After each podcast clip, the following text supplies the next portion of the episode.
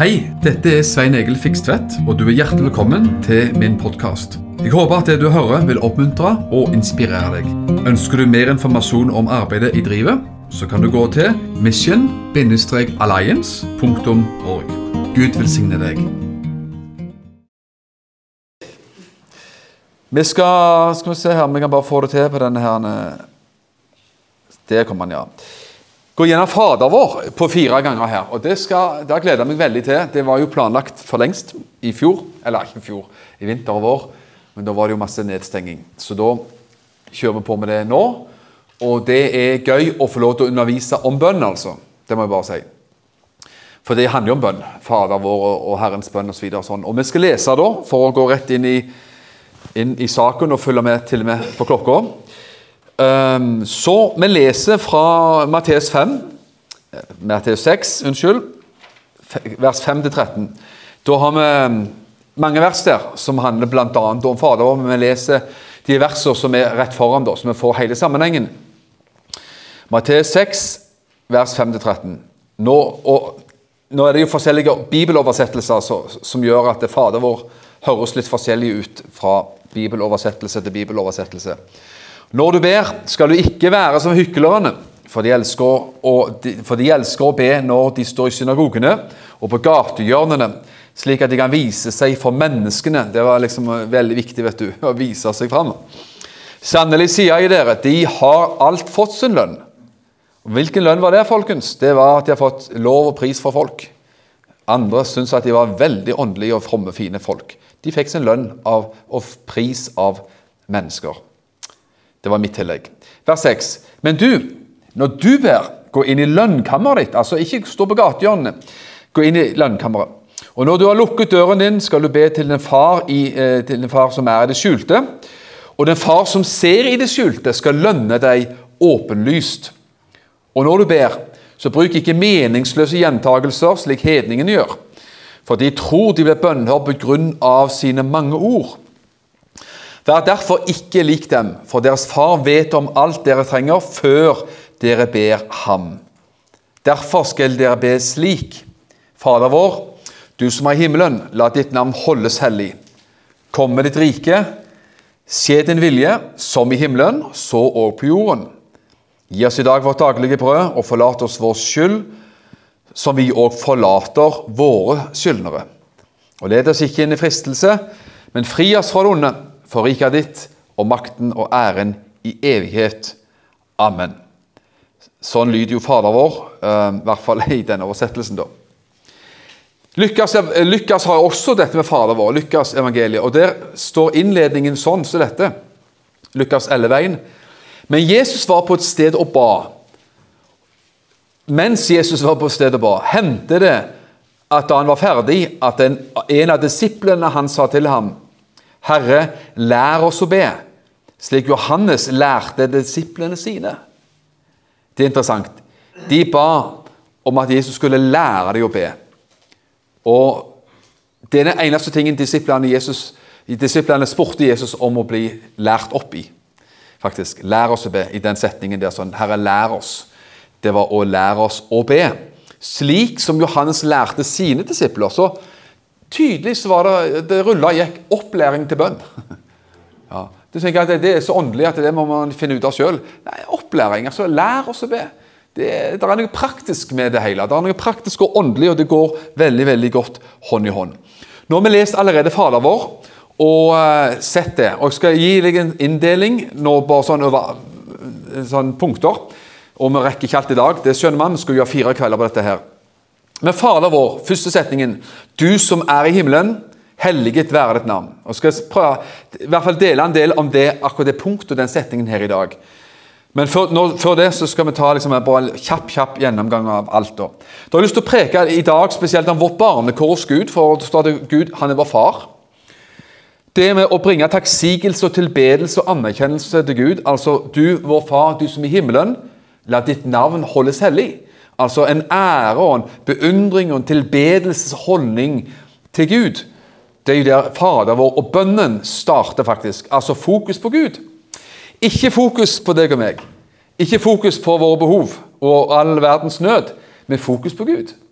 Så det skal vi komme tilbake igjen til. Og så kommer neste setning. Og Jeg skal gi deg bare til tips som jeg muligens også har gitt før. det er at Du kan faktisk dele opp Fader vår hvis du har lyst til å skrive det ned på et papir sjøl. Disse linjene sånn, og så legger du på dine egne underpunkter under hvert sånn et eh, punkt fra Fader vår, der du fyller inn det du vil be om under de og de punktene. Jeg skal prøve å komme mer inn på det senere også.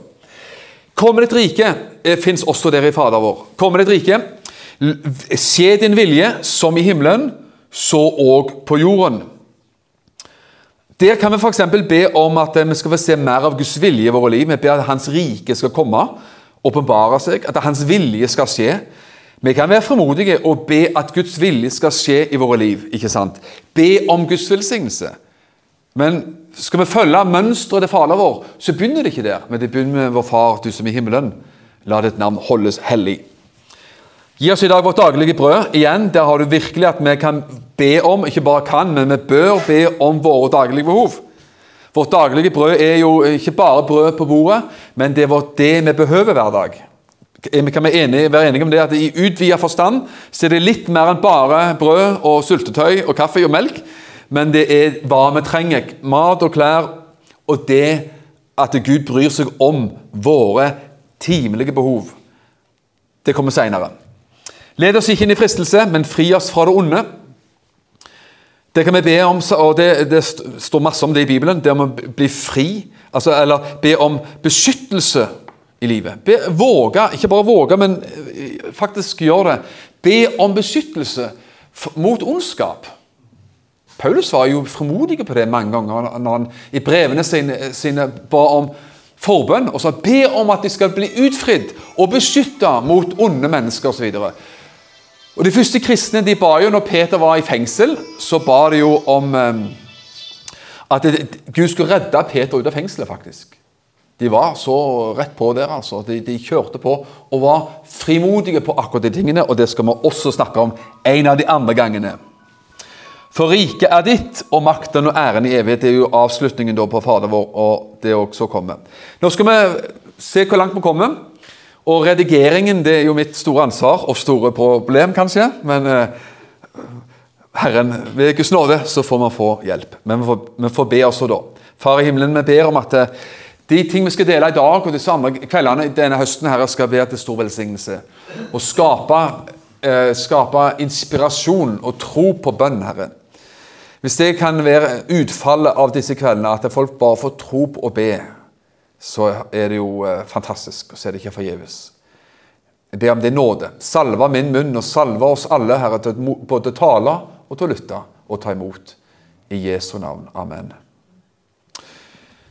Far, Fader vår, du vår far, vår far, eller Fader vår, du som er i himmelen, la ditt navn holdes hellig. Vi lander der i dag, for å si det sånn.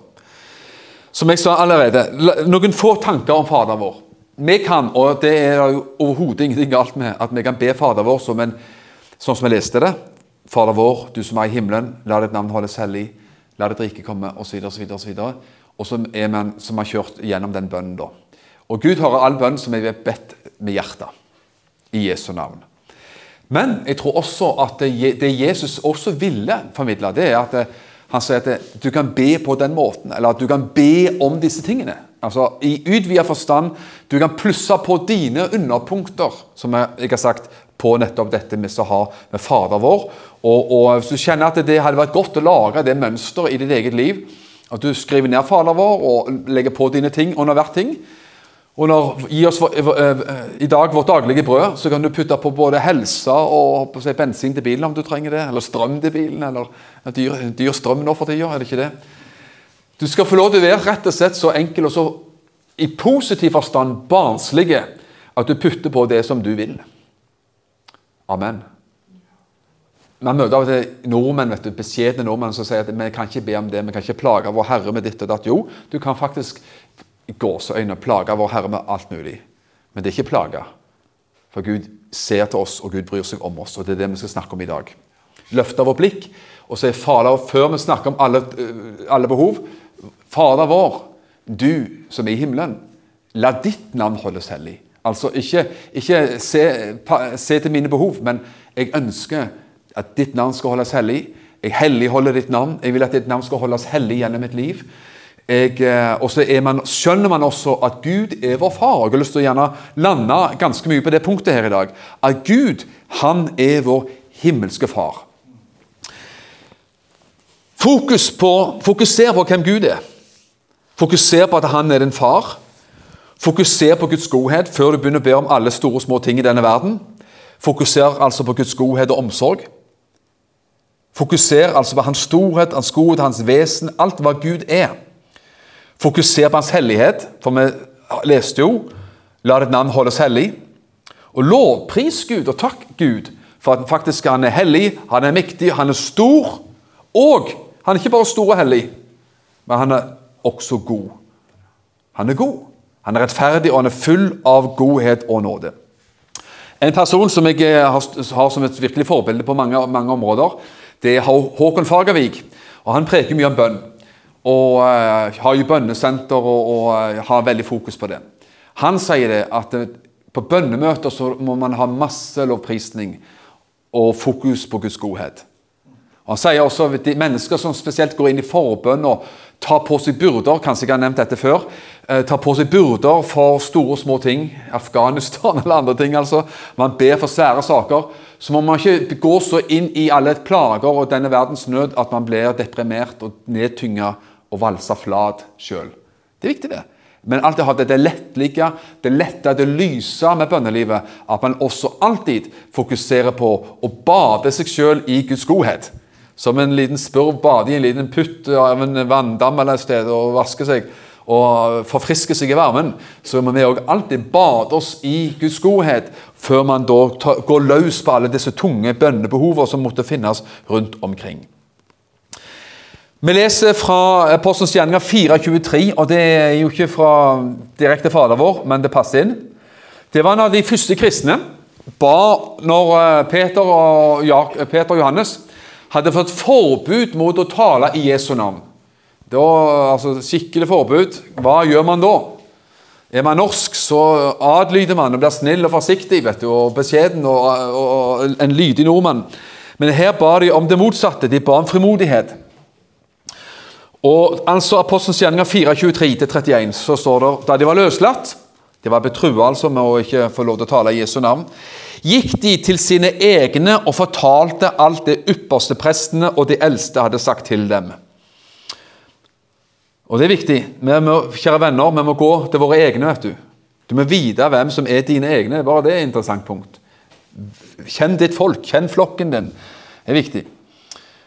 Og så ba de til Gud og sa, Herre, du er, eh, Herre, du er Gud som har gjort himmelen og jorden og havet og alt som er i dem.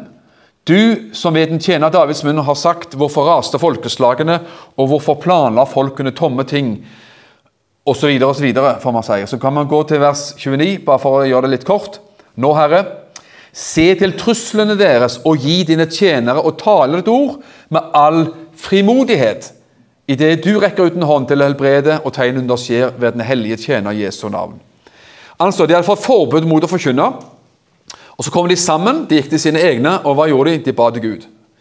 Og Hva ba de da om? Jo, det de begynte med å be om, det var det, at de sa Herre, du som har skapt himmelen og havet og alt som fyller den. Du som har skapt alle ting. Altså, Før de snakket om, altså, ba om at Gud skulle eh, beskytte dem og hjelpe dem og se til truslene osv., så, videre, så løfta de blikket over det. Det er viktig at vi, vi løfter blikket over fjellene som er foran oss. Vi løfter vår blikk til himmelen, over fjellene. Vi løfter vår blikk til fjellene hvis det er Jerusalem det snakker om. så det står i salmen. Men du ser, vi må løfte vårt blikk høyt når vi skal be. Og fokusere på hvem Gud er, og hva Han står for. og alt det der. Herre, du som har gjort himmelen og jorden og havet og alt som er i dem. Kan du se det? I dag snakker vi innledningsvis altså om det å løfte blikket. Si, Fader vår, du som i himmelen. Vi løfter blikk mot himmelen i dag. Vi løfter ikke blikket mot Afghanistan i dag. Og det mener jeg ikke med respektløshet overfor den nøden og elendigheten og forferdelsene som skjer der. Men vi løfter blikket over og ser til himmelen. Det er viktig, altså. Du finner nesten noe lignende i andre kongebok 19. Den av kong Hiskia. eh, Israels konge, eh, Judas konge, som, som de var eh, omringa av fiender. Og så hopper vi bare kjapt kjapt inn i den teksten. Andre kongebok 19, vers 15. Så ba Hiskia framfor Herrens åsyn og sa at de, var, de, de ble bombardert av trusler. Hva kan han sa? Herre, Israels Gud, du som troner over kirubene. Du alene er Gud over kongerikene på jorden. Du har gjort himmelen og jorden. Kan du se at det er nokså stor likhet mellom det som kong Hiskia eh, drev ca. 700-800 år før Kristus eh, ba, og det som de første kristne ba i apostelens gjerninger. Sant? De, de løfta blikket mot himmelen. Og Jeg har lyst til i dag også nevne også dette med at Gud han er vår far. Og jeg har lyst til å spørre deg, spørre deg meg, Hvem er Gud for deg og meg? Er Gud Det er lov å si Gud når vi ber. Ingenting galt med det. Men vet du hva? det er noe fantastisk å si ikke bare Gud, kjære Gud, men si min himmelske far. Kjære far. Fader. Fader vår. Tiltaler Gud faktisk som ikke bare Gud, i anførselstegn, men han er noe annet enn det. Han er noe mer enn det, om du vil. Han er Gud, ja, men han er også vår far. Fader vår, du som er i himmelen. Er han en tyrann? Er du redd for Gud? Eller kan du si at du vet at du vet at du vet at du vet at Gud elsker deg? At Gud har behager deg, faktisk. Det er formodentlig sagt. Jeg skal prøve å bevise til og med. At Gud elsker deg. Han har omsorg for deg. Jeremia 3,19 sier og Det er et, liksom et fantastisk liksom, nødrop fra Gud sjøl til sitt folk den gangen, i Jeremia 3,19. Det var jeg, altså Gud, som sa Å, hvor gjerne jeg vil sette deg blant barna og gi deg et herlig land. Den skjønneste arv blant folkeslagenes herskere. Det var jo litt luftig sagt, kanskje, men det er Gud som taler midt i Israels tid av frafall og fangenskap-periode. Så sier Gud, vet hva Gud sier etterpå? Jeg sa, jeg sa, altså Gud sa, 'Min far skal dere kalle meg'. Gud sier altså, 'Jeg vil at dere skal kalle meg far'. Jeg har lyst til at dere skal tiltale meg som far. Til og med, om du vil, i Gammeltestamentet, så er den tanken lansert. Men vet du hva? Den er jo forstørra mange, mange mange ganger i Det nye testamentet. Og igjen og igjen og igjen og igjen så vet vi at Jesus kalte Gud for min far, sa han hele tida. Og det provoserte jo fariseerne. Han kalte Gud for sin far. Det var da veldig fremodig og frekt. Igjen igjen, spesielt Johannes-evangeliet. Min far arbeider, og, og, også sønnen arbeider. Jeg gjør bare det som min far viser meg, sier han hele tiden. Min far og jeg er ett, sier han. Han, han, han spikra det så sterkt inn. Meg og, meg og far. Ja, kan du si det samme? Og finner, Så finner man det bemerkelsesverdige at når Jesus står og dør på korset, så roper han 'Min Gud, min Gud, hvorfor har du forlatt meg?' Han ble forlatt for vår skyld, for at du og meg ikke skulle være forlatt. Men da sa han ikke 'min far', men sa 'min Gud, min Gud, hvorfor har du forlatt meg'? Det var kanskje en del av forlattheten at han ikke lenger kalte Gud for far, men han kalte Gud for Gud. Vet du, at Det er noe nært og det er noe intimt for oss å kalle Gud for vår far. Det er mye, enormt mye å si om det, faktisk, som man ikke rekker innom i dag. Vi skal gå til Jesu dåp. Matteus 3,16 sier Matteus 3,16 det er jo når Jesus ble døpt. Så står det Da Jesus var blitt døpt, kom han straks opp av vannet, og se, himmelen åpnet seg for ham. Og han så Guds ånd fare ned som en due og komme over ham. Og se, fra himmelen lød en røst som sa, 'Dette er min sønn, den elskede, i ham har jeg velbehag'. Vi tenker Jesus ble døpt. Vi kjenner historien, vi har sikkert sett det på flanellograf og film alt mulig, og sett det for oss i hodet. Jesus ble døpt av døperen Johannes. Tre ting skjer. Ofte tenker man to ting har skjedd, men det er faktisk tre ting som skjer. Hva skjer? Jo, han ble døpt i vann, stiger opp av vannet. Så kommer Den hellige ånd over Jesus i form av en due. Og så, vel så viktig, så er det en stemme fra himmelen, en røst fra himmelen som sier Dette er min sønn. Dette er min sønn. Den elskede som jeg har behag i. Og det er viktig å forstå. Og senere også så hører, kommer den samme røsten til Jesus og om Jesus. Når Jesus har vært på Forklarelsens berg, det er jo et stykke tid senere Peter, Jakob og Johannes var med sammen med Jesus opp på dette fjellet. Og så ser de jo hvordan denne Jesus blir forandra plutselig til å bli blendende, skinnende hvit. Og så er det igjen en røst som sier, 'Dette er min sønn, den elskede, som jeg, jeg har behag i. Hør ham', står det der. Sant? Fantastisk. Som sa, 'Hør ham, dette er min sønn, den elskede'. Jeg har lyst til å spørre et utfordrende spørsmål til deg i dag og meg. Kan du tro at Gud sier det samme om deg? Det er gjerne en utfordrende tanke. At vi har lest, og dette stemmer på Jesus, det skjønner man jo. det er Såpass peiling har man alle. Og Det er så lett å tenke det var, ja, men det var Jesus, det. Ja, det var det jo. Men kan du tro at Gud sier det samme? Han sier ditt navn. Og så sier han 'Du er min sønn', eller 'Du er min datter', som jeg har behag i. Jeg påstår ja. Du skal forsvare ferdig fasit her i dag, altså. Ja. Men det kan hende at det er en vanskelig tanke å muligens ta inn over seg. Hør hva Jesus sier på slutten av sin virke. Skal du se noe? Skal være med på en liten tidslinje her. På slutten av Jesu virke, eh, før han gikk til korset, så kom Jesus med noen meget radikale vers på det. Johannes 15, 9 sier slik som Faderen har elsket meg, på samme måte har også jeg elsket dere. Forstod, Hørte du hva jeg leste? På samme måte som Faderen elsker Jesus, på samme vis på samme vis, på samme måte, har jeg, sa Jesus, elska dere. Det er som om Jesus sier at den kjærligheten jeg har mottatt fra min far, den er bare sendt videre i samme konsentrerte form. Samme konsentrat til dere. Så jeg tror det er også noe annet eh, som er viktig å se der. Det er at det, i samme grad vi opplever oss elska av Gud, bare i samme grad kan vi også passere videre, sende den kjærligheten til andre mennesker. Er det en logisk tanke? Så du vet at du elsker Gud. Du vet og kjenner og, har opplevd at du virkelig er betingelsesløst elsket og akseptert av Gud. Gjør det noe med oss i vårt møte med andre mennesker, mon tro? Garantert. Garantert. Johannes 17, 23, der sier Jesus jeg i dem, midt i Jesu bønn der. Jeg i dem og du i meg.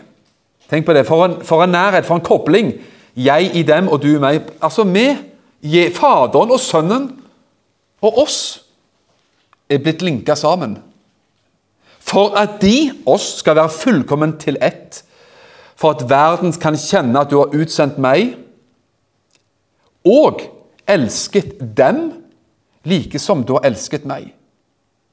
Er det sant? At Faderen har elsket dem, altså elsket disiplene, elsket oss like som, på samme måte som Gud også elsker Jesus. Det er mer enn vi kan nesten tro, men det er sant. Hm. Amen.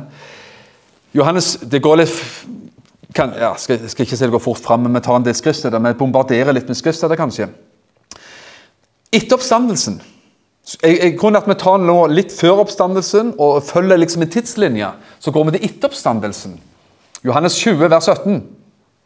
Jesus sier til henne Det er Maria Magdalena som møter Jesus etter hans oppstandelse. Faktisk før disiplene. Så sier Jesus noe uh, utrolig. 'Ikke rør meg', sier Jesus. Det hadde ingenting med korona å gjøre, altså, men, men, det var andre ting. 'Ikke rør meg, for jeg er ennå ikke fart opp til min far.' Men, sier han, 'gå til mine brødre og si til dem:" 'Jeg farer opp til min far og deres far', sier han. Til min Gud og deres Gud. Jeg farer opp, jeg reiser til himmelen, til min far. Men han er ikke bare min far, han er deres far, sier han. Min far og deres far. Min Gud og deres Gud. Kan du se at vi er blitt inkludert? Sagt på en annen måte før korset, før forsoningen, så hadde Gud én sønn. Jesus, den enbårne. Og Vi står ikke i samme kategori. Vi er ikke, vi er ikke Guds enbårne sønn. Vi er ikke tre, andre personer i guddommen for øvrig. Så, så bare så det er slått fast. Men bli med på en tanke. Før korset hadde, Jesus, hadde Gud én sønn. Etter korset har han mange, mange, mange, mange sønner og døtre. Kan du tro det? Ja, ja det, den var, vi, Kalles vi Guds barn i Bibelen eller ikke? Ok, takk. Roman 8,29 sier For dem som han kjente på forhånd, dem har han også forutbestemt til å bli likedannet med sin sønns bilde. Det var kanskje litt sånn eh, forutbestemmelsesvanskelig å forstå. Men eh, det er ikke det vi skal lande på i dag uansett. For at han, hvem er han? Jesus skulle være den førstefødte blant mange brødre. Jesus er den førstefødte i søskenflokken. Han storebroren og vi er søskner. Vi er inkludert i familien pga. det. Og Da er det mitt spørsmål kan du tro at pga. Jesu Kristi blod forsoningsverk på korset, så har du blitt inkludert i Guds familie. Og bare på det grunnlaget så sier Gud du er min sønn, og du er min datter, som jeg har behag i. Ja, men jeg har jo feil. Jeg kommer til kort. Jeg svikter. Jeg eh, blir sint av og til, jeg blir sur av og til. Og, ja. Men kan du tro at Gud ser på deg gjennom det filteret eller gjennom de brillene som heter Jesu Kristi blod? Kan du tro at Gud ser, ser oss med, den, med, Jesu rettferdighet? At han ser du vet hvis, finne et banalt bilde her nå. vet du. Hvis jeg tok på meg klærne til Jan Sigve vet du, Vi bytta klær, og jeg kløfte meg litt mer, så hadde du plutselig trodd at jeg var Jan Sigve. Hvorfor hadde jeg hadde hans klær på meg? Du har fått Jesu kledning. Jesu rettferdighet, Jesu hvite kappe. Og Gud ser Jesu kors, Jesu blod, Jesu frelsesverk når han ser deg. Det er viktig å se den opplegget der. Hva gjør det med oss? Jo, det gjør en god del, skal jeg si deg. Det gjør noe veldig. Hva gjør den åpenbaringen om Guds kjærlighet for oss? Vi snakker egentlig om dette med Fader vår, du som i himmelen. At vi kan tiltale og forstå at Gud er vår far, og hva den åpenbaringen gjør med oss. La meg lese noen punkter her. Den åpenbaringen gjør at det blir mindre strev og mer hvile. Det påstår jeg. Det gjør at det blir mindre frykt og mer fortrolighet. Er det greit med litt mer fortrolighet og mindre frykt i livet? Det gjør at det blir mindre svette, altså selvstrev og pes. Mindre svette og mer godlukt. Vet du hva?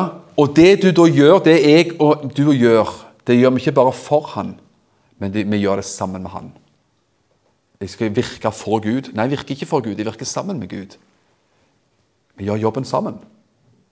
Halleluja. Det er bra, vet du. En pastor fortalte for mange år siden, som, og det var selv, selvlevd og et godt eksempel. Han eh, drev en pastor som drev og bygde hus. og Det var den tida man bygde hus sjøl. Hadde sementblander og kjørte trillebår og tømte opp i forskalingen og, og holdt på. Så, den, så gikk han og bar trillebåra, og inni liksom, mellom han og trillebåra inn forbi, så gikk sønnen òg og bar og holdt i disse stengene til trillebåra.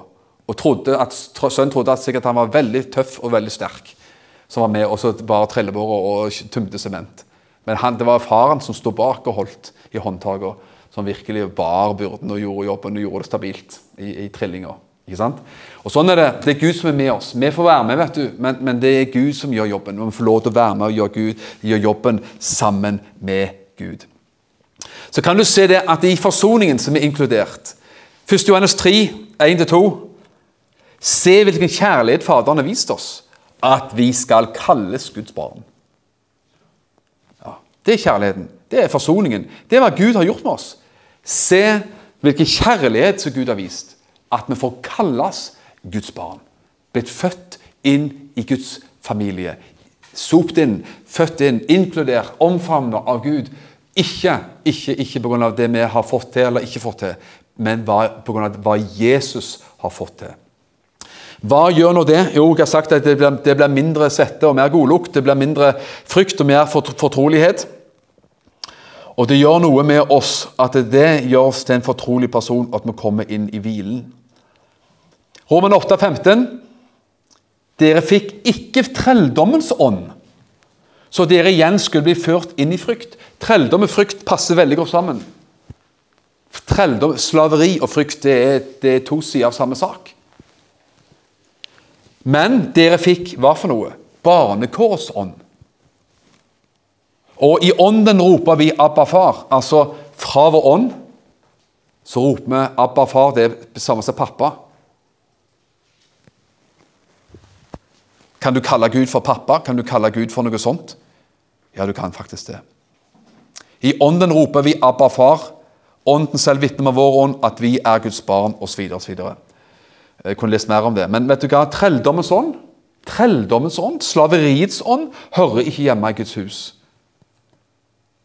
Se for deg slaveri på en gammeldags gårdsbruk i Amerika den gangen det var slaver. Det var forskjell på en slave, eh, godseierens sønn og de som bodde i stakkarslige skur ute på marka. Altså. Og Gud skal lov å takke at de tidene er borte eh, rundt omkring. Ikke alle plasser på jord, men heldigvis noen, da. Trelldommens ånd det er tvang og det er slaveri og det er utmattethet. Barnekårsånd det er frihet, det er fortrolighet og det er trygghet. Har du og meg et fryktforhold til Gud, eller har du et ABBA-forhold til Gud? Har du, har du, har du et svetteforhold til Gud, eller har du et fortrolighets- og hvilefullt forhold til Gud? Det er kolossalt viktig. Dette tar på selvstrev. Det tror jeg, det, Disse tingene vi snakker om nå, denne åpenbaringen vi snakker om nå, det tar ned behovet for å sammenligne oss med andre folk. For man blir trygg i hvem man er og hva man har. Og alle av oss er underveis. Ingen er liksom kommet til, himmelen i dette, om du vil. Men dette er et liv. Eh, nå har jeg lest ganske mange skriftsteder for deg her i dag. Sentrale skriftsteder fra Nytestamentet, brevene osv. Så, videre. så om du ikke tror på det jeg sier, så tror på det jeg har lest. Det roer ned behovet for å sammenligne oss med andre. Det tar bort et overdrevent behov for bekreftelse. Alle av oss trenger bekreftelse. Et lite barn, en femåring, trenger bekreftelse. De sier 'se meg, se på meg, se på meg', sier de hele tida. De trenger bekreftelse fra far og mor, og bestefar og bestemor og mange andre. Selvfølgelig. Og Alle av oss syns det er godt å høre gode ord. Få god tilbake, tilbakemelding og skjønne at man elsker av noen, ønsker av noen, eh, savner av noen, eller hva som helst. Men har du møtt mennesker som du får en opplevelse av har en overdreven, et overdreven bekreftelsesbehov? At det, det er en umettelighet som du tenker Det der skulle han eller henne gjerne blitt ferdig med når de var 15-16-17 år. Men så nå er de ikke 17 år, men 77 år eller noe. Og så er det liksom helt umettelig. Hva er det som har skjedd? Jeg tror å få lande hos Gud, å få lande i Guds kjærlighet, å få lande i Guds nåde, å få lande i forsoningen, det gjør noe med folk. Ok? Og Da blir det det viktigste for oss det er å behage Gud, som elsket oss så høyt. Det blir viktigere å behage Gud enn å behage mennesker. Det blir viktigere å finne ut hva han syns, enn hva andre mennesker måtte synes om alt mulig. Den åpenbaringen gir oss lyst til å omvende oss. Ikke bare at det blir sånn pisk til å omvende oss, at du skal piskes til korset og piskes ned på kne. Piskes inn i bønn, men du får lyst til bønn. Og Det åpner opp døra til helbredelse, det åpner opp døra til en ny start. Jeg tror dette gir mennesket verdigheten og verdien tilbake. Verdien har man uansett som menneske, men følelsen, den opplevde følelsen av verdi og verdighet kommer ved den åpenbaringen. Og den gir håp når alt ser håpløst ut. Det er mange ting i vårt liv, i omstendighetene, som kan se håpløst ut, folkens. Men hvilket anker man har i dette som har med Guds kjærlighet å gjøre. Vår far du som er i himmelen, la ditt navn holdes hellig.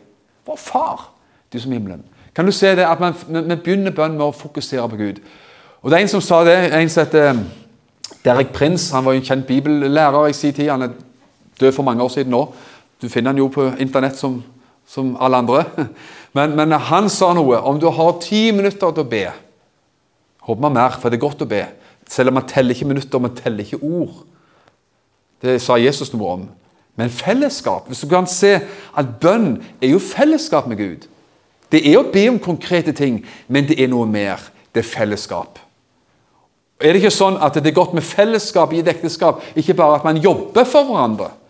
Hvem tar oppvasken i dag, og hvem støvsuger osv. Så sånn. At det er noe mer i et ekteskap enn arbeidsfordeling, sannsynligvis. Det er jo en fordel. Og eh, er, det ikke, er, det ikke, fantastisk at vi kan få lov til å tro at det å ha fellesskap med Gud, det er noe av det viktigste. Som Derek Prince sa, har du ti minutter til be, bruk åtte minutter, sa han, til å gjøre punkt nummer én her.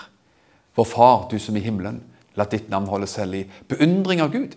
Takke Gud for hva han er. Ta, altså Takke han for Vær, vær, enkel. Jeg har lyst til å si, vær, jeg oppmuntrer deg til å være enkel og barnslig.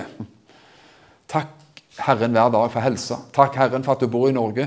Takk Herren for at du har dyna til å trekke over deg, at du har mat på bordet, og alt annet. At vi er så barnslige, at vi aldri blir så avanserte at vi ikke kan takke for de enkleste ting i livet. Det har jeg lyst til å oppmuntre oss til. Vår Far, du som i himmelen, la ditt navn holdes hellig. Vi skal snakke litt om dette med at vi skal følge med på klokka også. Nettopp det med å, å si, Herre, vår Far, du som er i himmelen, du er i himmelen, du troner, du er mektig, du er over. Løfter blikket over alle fjeller og alle, alle problemer. Men vet du hva? Man også sier, Herre, vi anerkjenner deg for hva du er. Du er hellig, og jeg ønsker at du skal være hellig i mitt liv. Jeg ønsker med mitt liv å helligholde ditt navn. Jeg ønsker at du er hellig, du er mektig, du er suveren, du er, du er makeløs. Fokuser på det. Men også helliget være ditt navn. Og Da har jeg lyst til å lande det litt sånn inn i oss også. At vi ønsker at Hans navn skal holdes hellig i vårt liv. At vi også fokuserer på det uten at det blir lovisk, for det trenger det ikke bli. Ofte når man preker og utfordrer oss sjøl, så tenker man at eh, noen liker det. at å, Blir du utfordra på noe, altså, til å ta et steg eller gjøre noe, så å, da er det lovisk med en gang. Nei, men det er ikke lovisk. Det er livisk. Det gir liv, kjære venner. Og det å ha dette inderlige begjæret og ønsket i livet også, at gjennom mitt liv og gjennom ditt liv, så ønsker vi at Guds hellighet skal vises til andre. At jeg holder Hans navn hellig, ikke bare med ord. La ditt navn holdes hellig. Amen. Det, det ber man. Men jeg ønsker at Hans navn skal holdes hellig gjennom også mitt liv. At vårt liv avspeiler Hans hellighet, ikke som en pisk, ikke som et lovisk eh, krav, men som et inderlig ønske i livet vårt. 1. Peter 1.15-16 sier det er Peter som sier det. Han vandra med Jesus, hadde god greie på, på opplegget. Det står der, 1. Peter 1, vers 15. Men slik Han som kalte dere, er hellig Gud er hellig, det er det vi har snakket om. Skal også dere være hellige i all deres ferd. Fordi Han er hellig, så kaller Han oss til å være hellige. Hvorfor? Jo, for vi er ungene hans. Eplet faller ikke så langt fra stammen, er det noe som heter. Som far, så sønn. Det er mange gode uttrykk der ute. Vet Du hva? Du er sønn, og du er en datter av Gud. og det, det å ha det inderlige ønsket om at hans hellighet og hans vesen og hans kjærlighet skal prege våre liv. Og det vil det gjøre hvis man oppdager virkelig hvem Gud er, som far og som en hellig Gud som han er. Slik som han er hellig, skal også dere være hellige i all deres ferd. For det står skrevet, dere skal være hellige fordi jeg er hellig. Hva er det som skjer når et menneske blir frelst? Jo, man blir frelst, tar imot Jesus, man tror på forsoningen, tror på korset, tror på dette budskapet. Man inviterer Jesus som sin herre og frelser. Da blir man det som man kaller for født på ny. Man blir født på ny. Og da starter jo denne prosessen. Og det er en prosess. det er Ingen av oss i mål der på langt nær. Vi, vi er ikke i mål før vi er framme ved målet i himmelen, men underveis. Vi er under konstruksjon og forming hele tida. Og det er jo et godt liv. Det er et velsigna liv. Kanskje utfordrende, for det kan jo hende at Herren skulle utfordre oss til noe og peke på noe i vårt liv. Det tror jeg virkelig han vil. Roman 8,29 sier Dem som han på forhånd har vedkjent seg, har han også på forhånd bestemt. Gud har vedkjent seg deg. Det er som han ikke hadde gjort det. Han er liksom skjemst, ser ned når han ser deg og tenker er dette virkelig min unge? altså? Nei, det går ikke an. Gud han ser på oss gjennom forsoningen. Han har vedkjent seg oss. Han har vedkjent seg sitt arbeid. Han har også på forhånd bestemt oss til å bli forma etter sin sønns bilde. Det har vi lest allerede, faktisk, i en annen sammenheng her. Bli forma etter hans sønns bilde. Bli forma etter Jesu bilde, så han kan være den førstefødte blant mange søsken. Og det handler om å bli mer lik Jesus i våre liv. Kolossalt viktig. Amen. Nå skal vi ikke eh, ta mer enn det. Vi har tatt eh, tror jeg, noe som er det viktigste av det viktigste. Be at Gud skal åpenbare dette for deg. Jeg vil så oppmuntre deg helt mot slutten her nå. At hver dag du, Som sagt, du, du, glemte å be for ditt, og du glemte å be for liksom, regjeringen og kongehus, og be for tante og onkel og forskjellige, og barna dine. Be for alt det der. Men vet du hva? Ha god tid til å bare bade. Ja, til å ta inn over deg Herre, takk for din godhet. Du er min far. Og fordi at du er min far, så er jeg akseptert. Hvis du er min far, ja, men da må jeg være din sønn eller din datter. Og så bader du deg sjøl i dette som har med din relasjon til Gud. Og du skjønner det at Gud sier Jeg har prøvd å bevise det for deg i dag. At han sier til deg Du er min datter, du er min sønn, som jeg har behag i. Vet du hva, da, da vil du gjøre noe. Du vil be ut fra en høy posisjon. Jeg liker å si det sånn. Da ber du ikke nedenfra opp. Du ser de svære fjellene foran deg av problemer og omstendigheter, og så føler, føler du deg som en liten mus som ser på et svært fjell. Men du vet du hva? Du er blitt løftet opp på hans høyder. Du vet hvem du er. Du vet hvem du har, hva du har i Kristus. Du vet hva han har gjort for deg. Og du kan be for mer, for å si det sånn, uten å misforstå det jeg sier, du ber med en ovenfra og ned-holdning. Veldig ofte vet du, så sier, så at en, en person er en, en sånn ovenfra-ned-person, så er det vel vanligvis veldig negativt. Men vet du hva? Du kan be fra en høy Vi satt med Han i himmelen, sier Bibelen. Sant? Du ber for at du er i Kristus, løfter opp, du har fått barnekår, og du kan få lov til å be om store og små ting fra en posisjon der du satt med Han i himmelen. Det er bedre. Amen. Mye, mye bedre. Far i himmelen, vi takker deg for at vi kan få lov til å tro på dette. Og bare ber jo at eh, alle de ord, ikke minst man lest fra Bibelen, Herre, skal synke inn i våre liv. At vi kan ta det til oss, Herre. Spise av det og bare si Jeg tror det. Jeg tror jeg har akseptert. Jeg tror jeg er en sønn og en datter. Jeg tror at du er min far. Jeg tror du har all makt. Jeg tror du er hellig. Og vi, vi, vi bare liksom bader der. Vi, vi, slår leir der, Herre, i hva du er, og hva du gjør. Ikke hva vi er å gjøre eller kan gjøre i oss sjøl, men hva du er. Og hva du har skjenkt oss, hva du har tatt oss med, at du har tatt oss med på ditt lag. Og tatt oss med inn i din familie. Jeg takker deg for det i Jesu Kristi navn. Jeg bare ber deg om at uh, de vanskelige omstendigheter som sikkert flere vanligvis møter i hverdagen, at man skal få møte det med et annet blikk. Møte det fra en, ja, rett og slett, i mangel på bedre uttrykk, en ovenfra-ned-holdning. Fordi at man er løftet opp og satt med ham i himmelen. Man er løftet opp og skjønner at man har en posisjon som er Guds barn. Og kan be med trygghet og tro, frimodighet og fortrolighet. Her jeg bare ber Herre at eh, frykt skal byttes ut med fortrolighet. Herre. Selvstrev og svette i kristenlivet og livet skal, skal byttes ut med hvile og fortrolighet, Herre. Jeg takker deg for det i Jesu Kristi dyrebare navn utrygghet Herre, og frykt Herre, med, med, med trygghet og senkede skuldre. At vi kan få si, sånn som Johannes sa Se hvor stor kjærlighet Faderen har vist oss. At vi skal få kalles Guds barn. Far, bare, Herre, la disse tingene bare synke inn i våre liv. Og la oss få lov til å merke, Herre, sakte, men sikkert, Herre, hvordan det forandrer noe og gjør noe med bønnelivet. Og det gjør noe med hvordan man ser på tilværelsen ser på oss sjøl, ser på deg og ser på andre mennesker, faktisk. At det gjør noe faktisk at vi kan i større grad enn noen gang før også kan gi verdi til andre mennesker, Herre. At mennesker som møter meg og møter oss, kjenner seg alltid sett, alltid respektert, alltid verdifulle. I Jesu Kristi navn. Amen. Takk for at du har lytta til denne podkasten. Jeg ønsker deg en velsigna god dag.